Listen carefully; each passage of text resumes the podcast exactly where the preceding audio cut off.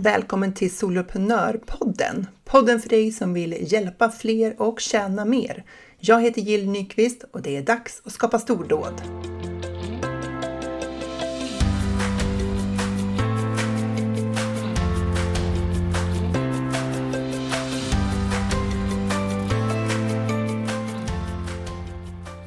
En viktig del av företagandet det är säljet. För utan sälj så kan du inte hjälpa någon eh, och du kan inte skapa ett hållbart företag online. Men det finns ju väldigt många olika sätt att sälja saker. Så om du vill ha lite tips på olika varianter av säljstrategier, då är det här avsnittet för dig. Jag har delat upp det här eh, pratet i två delar, så det här är del ett där jag kommer gå igenom de tre första strategierna och så får du de två andra i del två som då kommer nästa vecka eller i nästa avsnitt. Så god lyssning! Det är ju så att eh, det finns inte bara ett, en enda eh, strategi som fungerar när vi ska sälja någonting online, utan det finns här många olika strategier och det finns många som fungerar. Och vilken som fungerar bäst för dig, det beror lite grann på ja, men hur, du, hur du är som person, alltså vad passar dig bäst? Där är vi lite olika och jag tänker att det finns ju eh, alla möjligheter här att testa olika varianter och komma fram till vad, alltså vilken strategi som fungerar bäst för dig och din målgrupp. Eh, jag tänkte ge dig här fem olika eh, förslag på strategier och några av dem har du säkert redan testat och du kommer definitivt ha hört om alla. Men jag delar med mig lite grann av mina erfarenheter kring de här så kanske du kan få lite nya tankar kring vad du skulle kunna testa nästa gång eller optimera den du redan har. För oavsett vilken variant du väljer så för att bli framgångsrik så är det ett moment av optimering och det handlar helt enkelt om återupprepning. Du behöver göra den flera gånger för att liksom här, sätta den nailed it! för att du blir eh, bättre och bättre på alla delarna i, ditt, eh, sälj, i din säljstrategi när du får upprepa dem flera gånger och du kan förfina. Alltså du kan förfina din presentation eller du kan förfina dina inlägg i sociala medier eller du kan förfina dina, eh, mail, din mailsekvens som hör till och så vidare. För Oavsett vilken variant av de här strategierna du väljer så kommer det att finnas väldigt många olika rörliga delar. Det vill säga varje strategi innehåller en mängd aktiviteter, en mängd operativa saker att göra och alla de där sakerna kan ju såklart optimeras, alltså göras bättre och bättre. Det är därför vi sparar så otroligt mycket energi när vi kan återanvända en lanseringsstrategi eller en försäljningsstrategi för att du som redan har en mailsekvens att utgå ifrån eller du har redan ett webbinarupplägg eller vad det är för någonting då. Då hoppar vi in i de här fem som jag tänkte presentera. Jag läser upp dem nu och sen kommer jag gå in på dem en och en då. Så eh, variant nummer ett, det är ju en live-lansering med ett webbinar eller någon form av sändning eh, mm, som är live på Youtube eller kanske Facebook. Det är en variant. Nummer två, det är säljet du gör innan du skapat din tjänst. Eh, det här handlar ju om att du väljer att sälja, eh, sälja tjänsten innan du har liksom producerat den. Så. Nummer tre, det är att skapa och sälja med hjälp av en utmaning, en challenge. Nummer fyra, det är att göra en videolansering, alltså en videoserielansering. Och nummer fem är att bjuda in till ett större event och använda det som säljmekanism. Så, så det var de fem och jag tänker att jag går in på dem en och en här. Eh, och en del av de här är ju mer avancerade och, än andra, eh, men alla innehåller många steg. Eh, så när du lyssnar igenom de här så kommer du kanske känna igen dig i vad du har gjort redan eller kanske någonting som du skulle kunna tillföra, testa. Om vi börjar med det här med live-lansering med webbinar eller sändning på Youtube eller Facebook eller så. Så hela poängen med den, det är ju att du tillhandahåller någonting live. Alltså det är inte ett förinspelat webbinar eller en förinspelad video. Och eh, det här är väl den variant som jag har gjort flest gånger under de åren som jag har, ehm, som jag har sålt online. För jag har testat alla de här strategierna ehm, och har sålt med alla de här. Men jag har också inte sålt med några av dem, vilket jag inte tror beror på strategin utan någonting på genomförandet just där och då. Eh, men när det gäller att live-lansera med webbinar så är det att du bjuder in till ett webbinar och eh, det här webbinariet då har ju ett eget löfte. För ska du sälja med webbinar så Eh, är det två saker som är väldigt viktiga att tänka på. Det ena är att webbinariet i sig självt har en attraktiv rubrik så att du verkligen fångar eh, in de som är intresserade av att lösa just det här problemet. Nummer två är att webbinariet i sig självt, alltså innehållet och rubriken i det, linjerar med det som du sen ska sälja. Så att det inte blir eh, att du attraherar eh, personer med ett visst typ av problem med den rubriken du har satt på webbinariet. Och sen ska du sälja någonting som löser ett lite annat problem. Det här kan ju låta självklart att det webbinariet vi skapar ska linjera med det vi sen ska sälja. Men förvånansvärt lätt att tappa bort det där. När vi sätter igång och börjar fundera på ett webbinar, då brukar vi gå in i så här innehållsskapar-mode. Och då börjar du säga, okej okay, jag ska bjuda på värde, så det är viktigt att de som kommer verkligen får någonting med sig. Och den här känslan av värdeskapande är ju jättebra. Eh, men det behöver kombineras med eh, marknadsföringshatten, försäljningschefshatten så att du inte bara går in i utbildarmode och tar det som du vet att dina eh, deltagare på det här webbinariet skulle ha nytta av, utan att du också tänker på övergången till säljet och din betalande tjänst. För du vill ju såklart att webbinariet ska attrahera de personer som har just det problemet som du löser i din betalda tjänst. Och det här då, att sälja med webbinar, det då spelar det ingen roll vad det är du ska sälja. Det kan vara en coachingtjänst, det kan vara ett coachingprogram, det kan vara en medlemstjänst, en onlinekurs eller ja, egentligen i princip vad som helst skulle du kunna använda webbinar som själva liksom mekanismen för försäljningstillfället. Och det finns ju många saker att tänka på här, men eh, i ett webbinar så handlar det ju om att dels du behöver förbereda och du behöver bjuda in till webbinariet. Sen, sen behöver du skapa själva webbinarinnehållet, det vill säga presentationen. Och så behöver du ha en uppföljningssekvens eh, som mejlserie efter du har hållit webbinariet. Och här är det lätt att eh, eh, börja i fel ände. Jag brukar rekommendera att man börjar med att skapa titeln för webbinariet och landningssidan där man ska anmäla sig till webbinariet. Skapa den först och se till att du får en slagkraftig titel eh, och så börjar du bjuda in till ditt webbinar.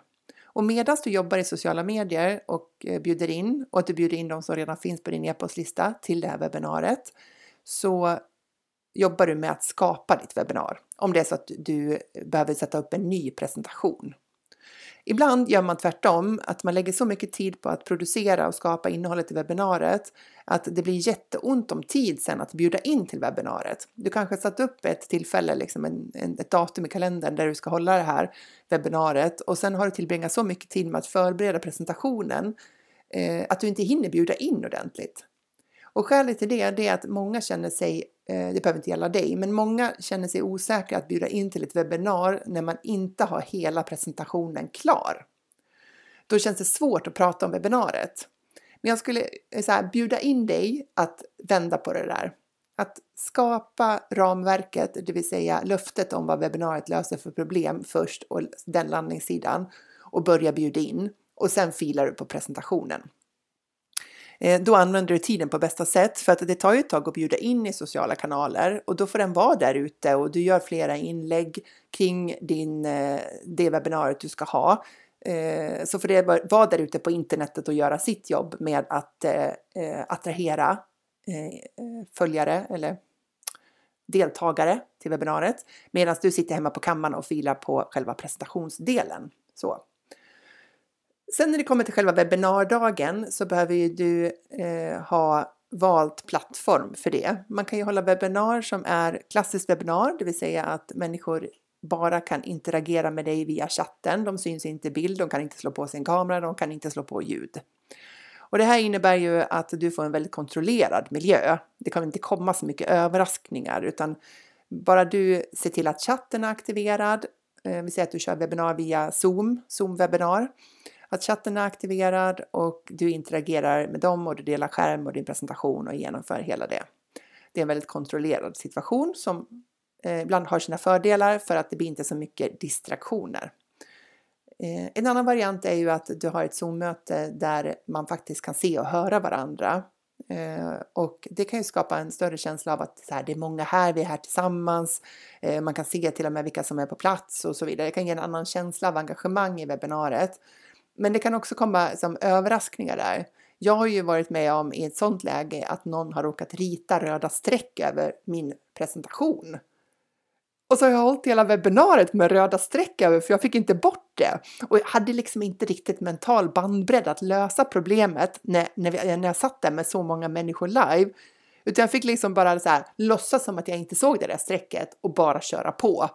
Och det berodde ju på att jag hade ett vanligt Zoom-möte där någon kom åt den där funktionaliteten och kunde göra det. Så jag hade liksom inte reglerat vad det var man kunde göra i mötet.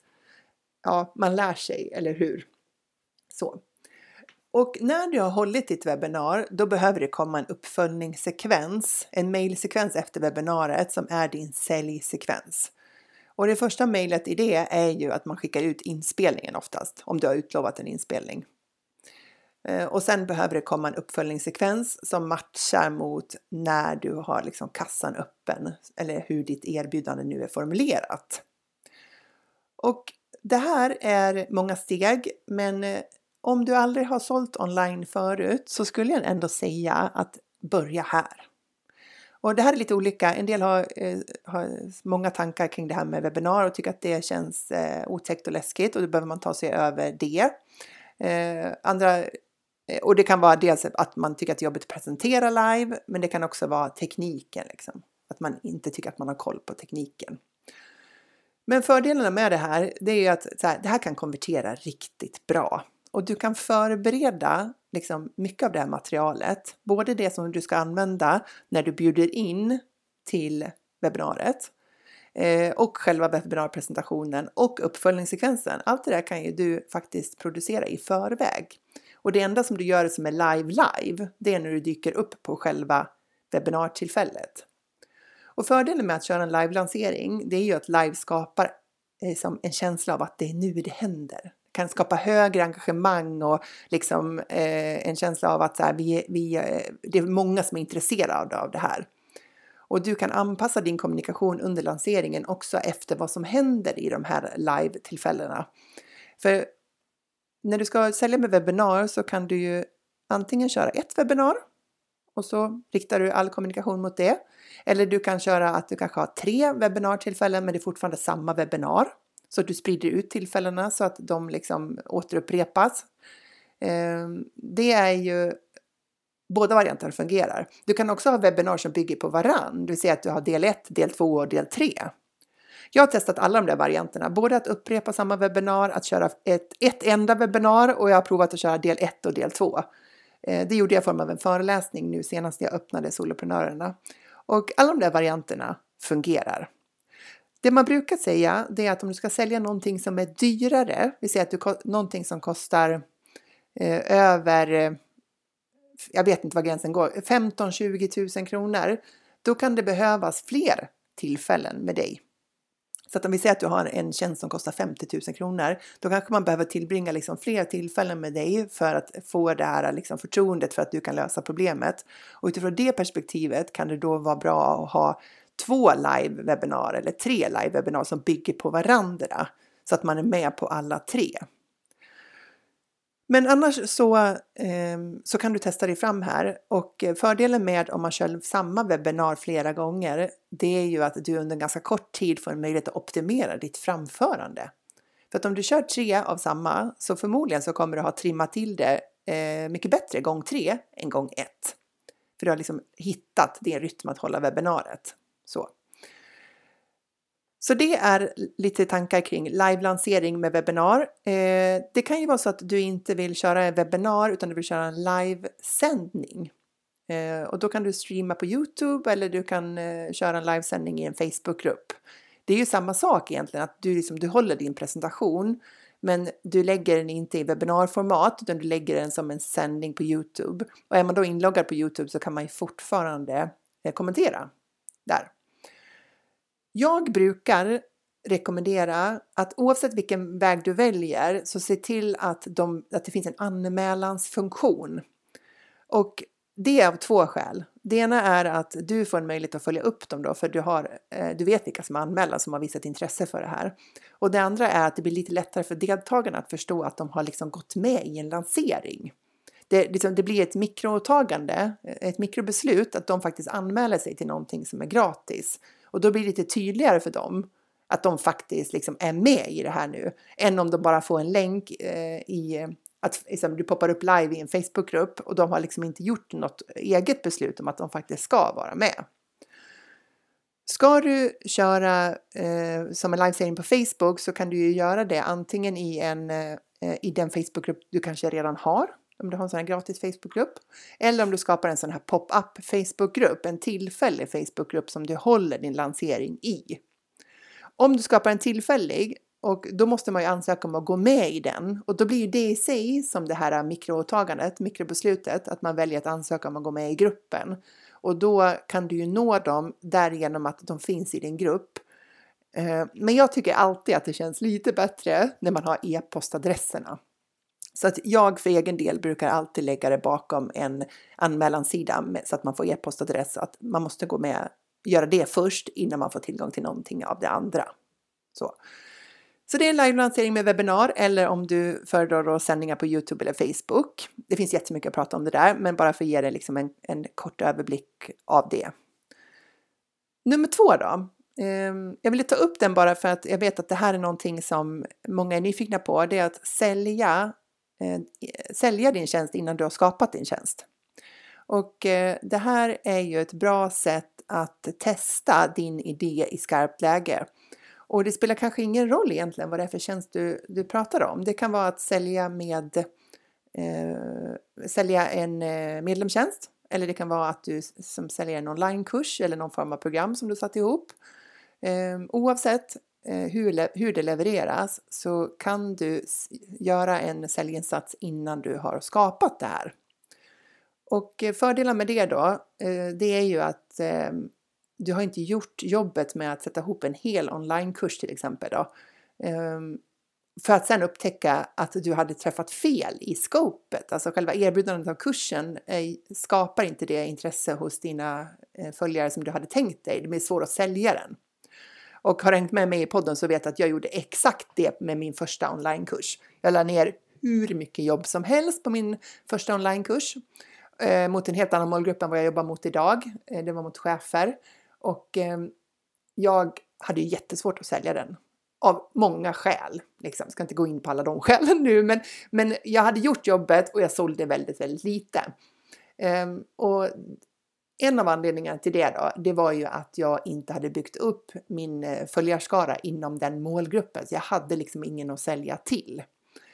Men om du har en eh, följarskara så har ju du någon att ställa den här frågan till och du skulle kunna göra eh, göra en sån här. Om, om man pratar medlemstjänster så eh, säger man ibland på engelska då founding members launch. Jag brukar säga eh, medskaparlansering. Och det handlar egentligen om att så här, man berättar att så här, jag har en idé om att hjälpa till med det här problemet. Eh, om du vill hänga med nu så kommer du vara med från start och du kommer vara med och bygga upp och påverka innehållet i det här. Eh, och då vet man om att man får ett extra bra pris och man vet om att det är, så här, det är inte klart. Man kommer inte in i en färdig medlemsportal där allt material finns utan man börjar från nu. Och det var så jag lanserade Soloprenörerna. Det fanns inget innehåll i princip i den medlemstjänsten utan det fanns bara en grundstruktur för vilka områden vi skulle jobba vidare med. Eh, du kan ju också sälja en onlinekurs där du eh, säljer in det och sen skapar du kursen när du har fått Eh, så många deltagare som du tycker att du behöver för att dra igång kursen. Och eh, eh då vet du ju när du producerar kursen sen att du faktiskt har någon som är mottagare av det där. Och det skapar ju verkligen eh, motivation att göra jobbet med att göra klart kursen, så kan man ju säga.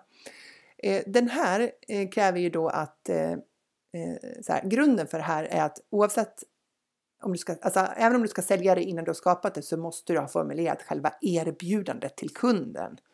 Alltså vad är det de kommer få hjälp med?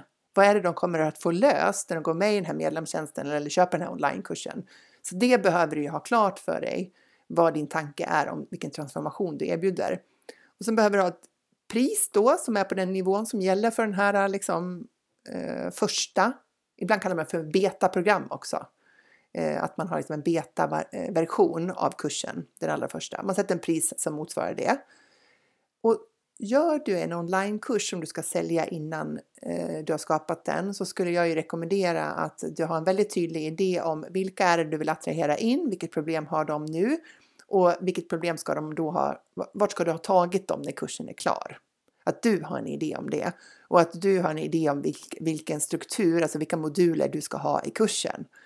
Sen kan ju du ha som en del av den här resan i den här eh, beta-lanseringen då, att inom de här olika modulerna så är du flexibel kring vilket behov de har. Så att du har olika sätt att samla in deras behov och skapa innehållet inom respektive modul utifrån de behov som de har.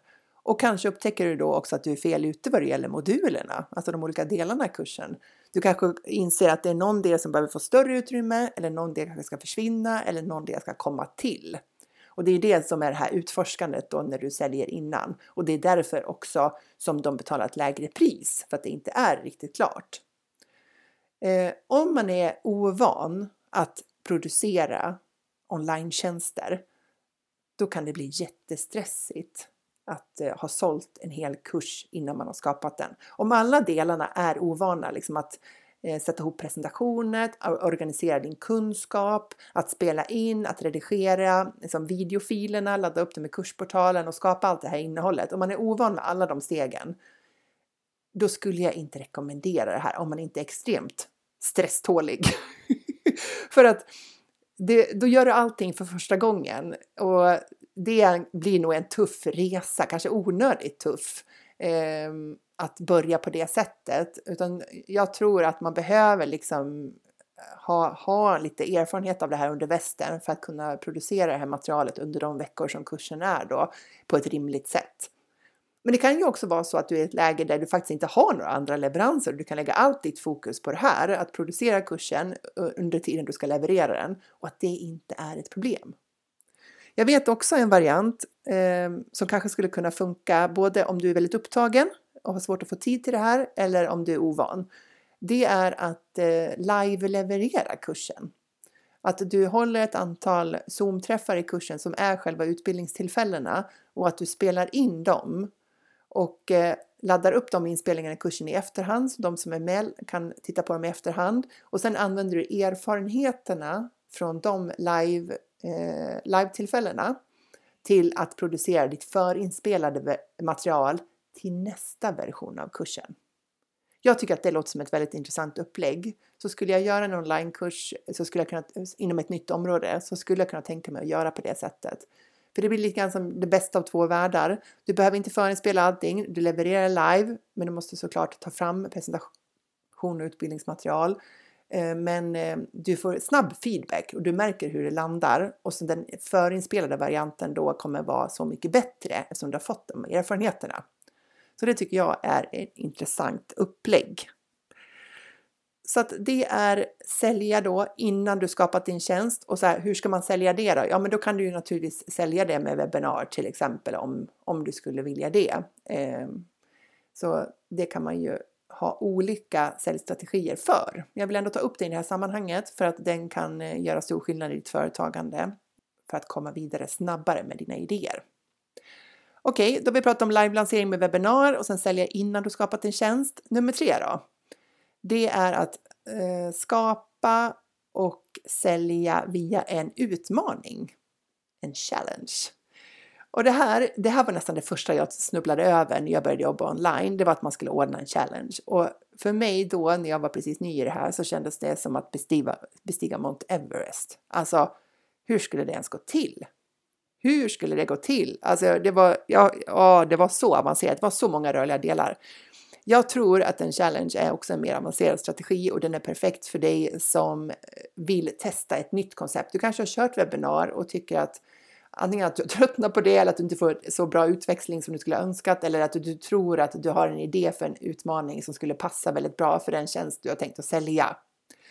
Så, och en utmaning, det, alltså att eh, sälja med en utmaning, det handlar om att du bjuder in människor ibland kallar man för bootcamp också. Du bjuder in dem till eh, en eh, utmaning eller en bootcamp där du har ett tydligt löfte om vad det är de kommer att lämna den här utmaningen med.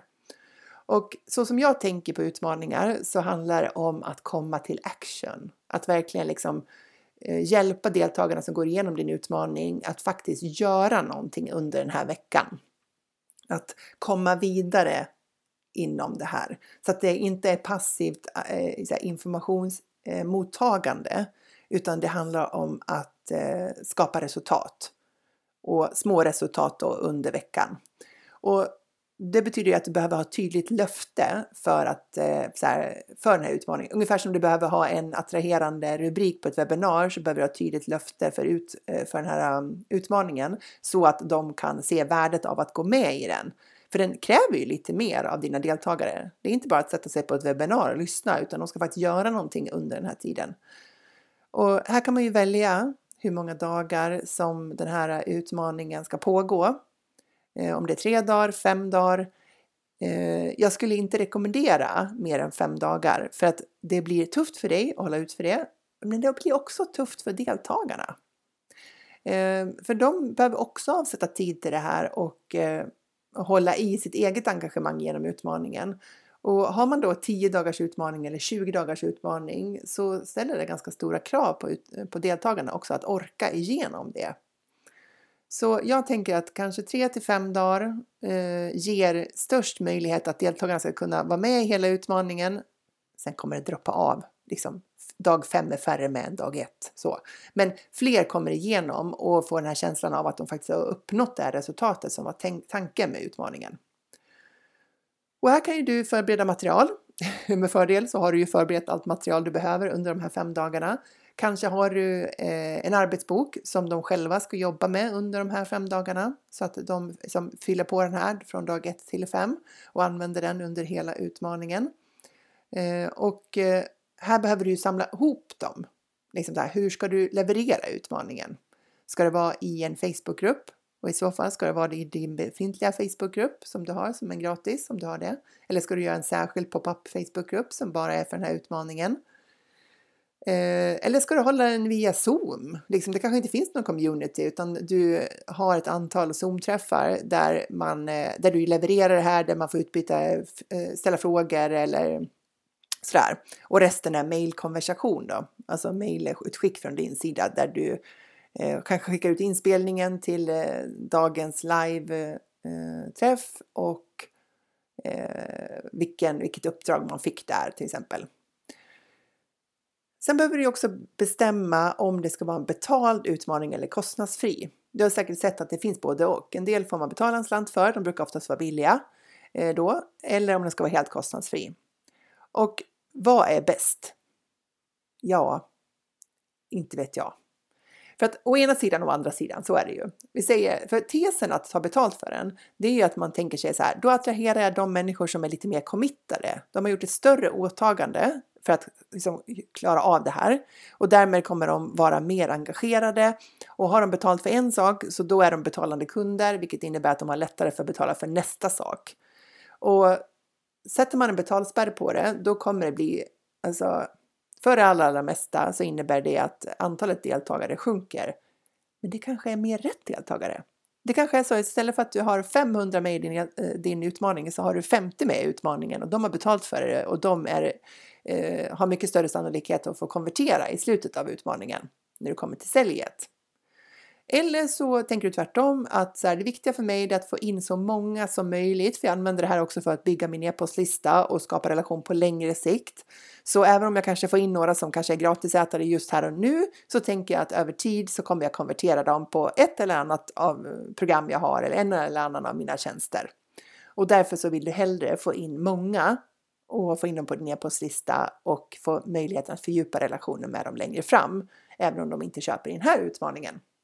Ja, Så att jag vet inte, jag, jag, kan inte säga om den ena eller andra är rätt, eh, bättre än det där. Jag tänker att det är också någonting man faktiskt kan prova och se hur det funkar på just din målgrupp. Men bara vara lite medveten om vad de här olika valen innebär och vad de kan få för konsekvenser, både positivt och negativt.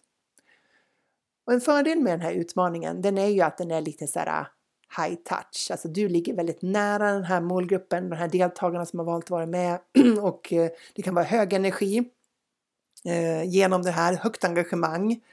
Eh, och du ska ju såklart utforma utmaningen så att när man har gått igenom den, då är nästa rimliga steg är att gå med i din betalda tjänst. Alltså ditt program eller din medlemstjänst eller eh, din eh, onlinekurs eller vad det är du säljer i slutändan på det här. Att det är liksom så här, det som är det mesta logiska steget efter det där. För då kan det ju vara så att du har, alltså ämnet för utmaningen är någonting som undanröjer ett hinder, ett motstånd som de skulle ha haft för att gå med i ditt betalda program. Amy Porterfield jobbar mycket sådär att hennes, eh, eh hennes säljsekvenser, säljstrategier undanröjer eventuella hinder som människor kan ha kring att skapa en onlinekurs och gå med i hennes stora program DCA, Digital Course Academy. Eh, genom att till exempel kanske ha någonting som handlar om att välja sitt kursämne eller hitta sin nisch eller någonting sånt där. Något sånt som annars skulle kunna stå i vägen för att faktiskt gå med i hennes betalda program. Så, det var att skapa och sälja med en utmaning. Hörru, tiden springer iväg här ser jag. jag det här är då del 1. del 1 där vi har pratat om eh, såhär, på temat då, fem sätt att sälja dina tjänster online, del 1 och 2. Och idag har vi då pratat om tre stycken. Live-lansering med webbinar, sälja innan du skapat din tjänst och skapa och sälj med en utmaning. Nästa vecka i del 2 då kommer vi att titta på det här med videoserielansering och event. Och sen kommer jag också ge dig lite tips på andra säljstrategier du kan använda dig av i kombination med de där och lite erfarenheter som jag har gjort med under de här åren. Eh, så jag hoppas att du vill hänga med på del två. Eh, så ska jag släppa dig här nu eftersom jag ser att det redan har gått över 30 minuter. Man kan prata länge om det här med försäljning online. Men jag hoppas att du verkligen ser att du kan hitta din säljstrategi som hjälper dig att skapa dina stordåd.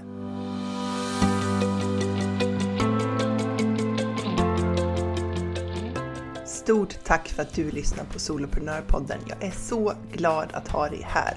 Du får jättegärna lämna mig en review på iTunes och ratea podden. Ge den fem stjärnor om du tycker att den är värd det, så hjälper du mig att sprida den till fler. Eller varför inte ta en skärmdump på det här avsnittet och tagga mig på en story på Instagram, solopreneur.nu.